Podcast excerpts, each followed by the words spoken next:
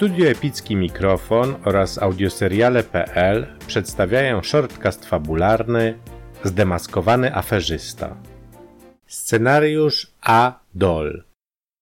Reżyseria i realizacja nagrania Adam Wolański. Stary księgowy Witold Holt obejrzał się trwożliwie i starannie zamknął drzwi. Dyrektor Brunon Glasen podniósł głowę i spojrzał nań z zaciekawieniem.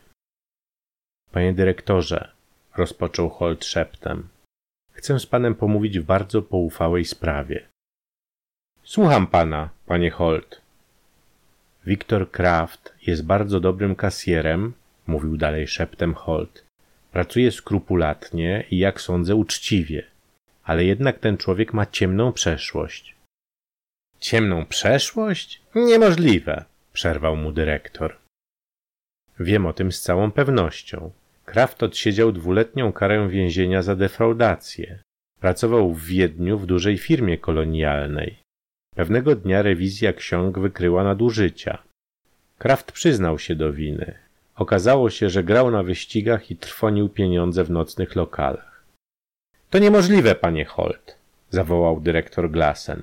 Przecież Kraft jest wzorowym urzędnikiem. Teraz jest uczciwy, szeptał dalej Holt, ale ma na sumieniu przestępstwo. Takim ludziom nie można ufać. Kto wie, czy pewnego dnia nie zabierze z kasy pieniędzy i nie ucieknie za granicę.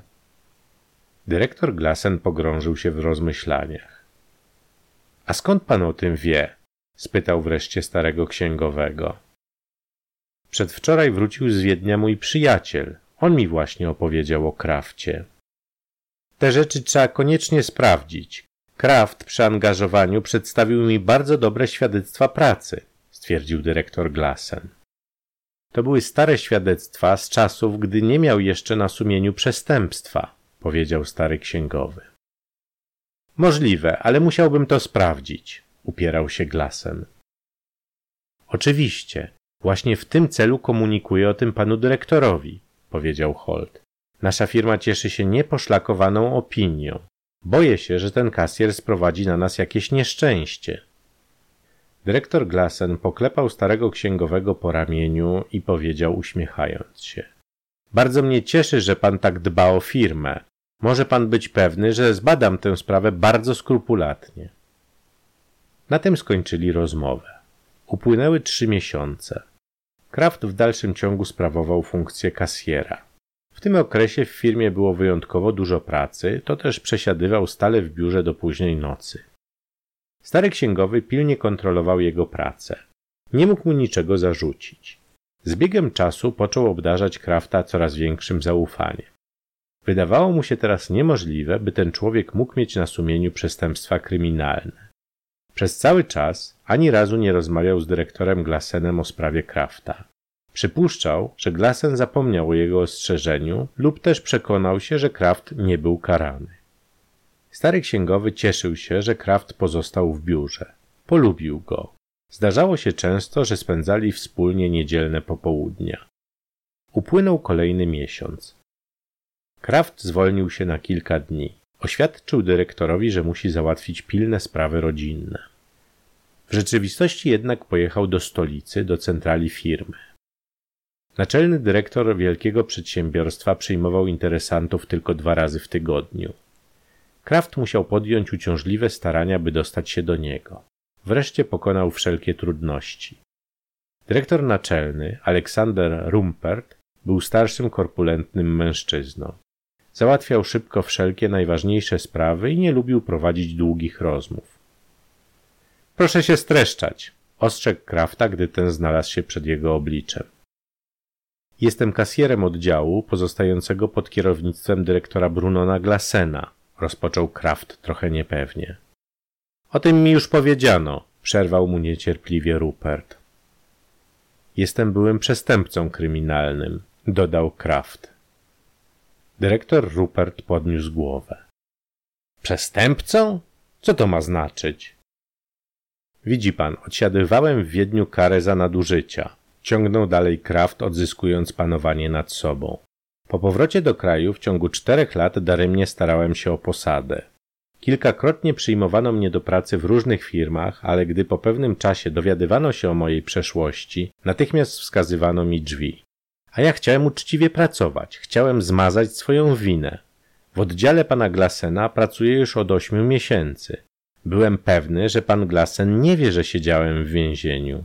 Sądziłem, że gdyby znał moją przeszłość, nie powierzyłby mi kasy. Pan dyrektor Glasen z pewnością nie wie, przerwał mu Rupert, spoglądając nań z coraz większym zainteresowaniem. Nie, nie, pan Glasen wie.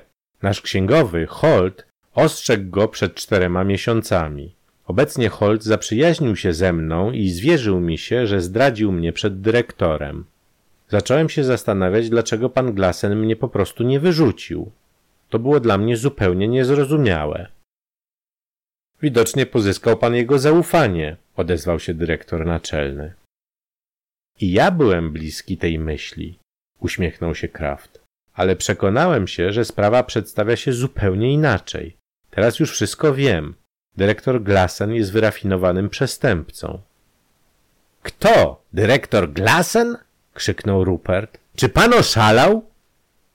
Panie dyrektorze, odpowiadam za to, co mówię. Miałem w życiu bardzo ciężkie przejścia. Chwytałem się najrozmaitszych środków, by oszukać moich szefów. Znam się na tych rzeczach. Dyrektor Glassen fałszuje kwity, narażając centralę na ogromne straty.